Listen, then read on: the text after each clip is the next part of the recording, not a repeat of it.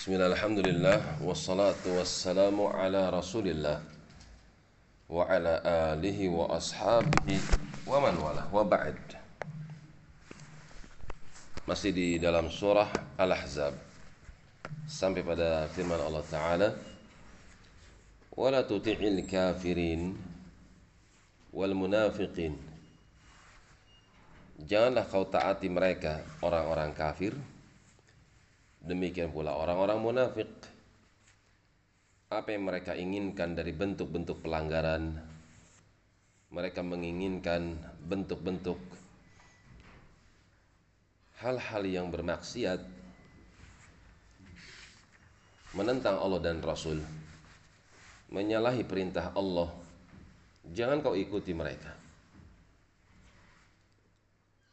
Wada'adhahum jangan dengar ucapannya. Dari apa yang mereka ucapkan karena itu akan menyakitkan hati hati kalian.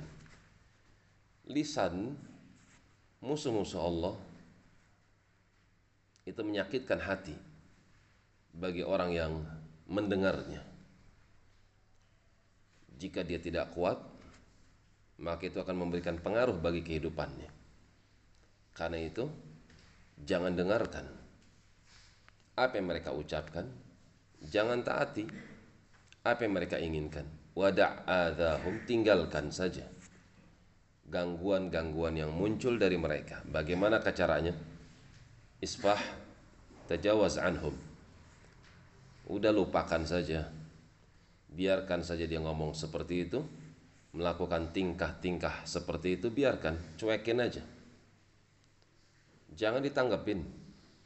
Setiap orang yang berkomentar, setiap orang yang membuli, jangan ditanggapin. Wa tawakkal 'ala Allah.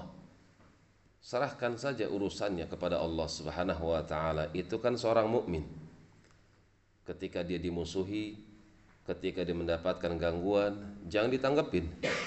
Kasihan menjadikan seorang tidak bisa makan dan tidur Tinggalkan saja gangguan tersebut. Anggap aja angin yang berlalu. Wa tawakkal 'ala Allah.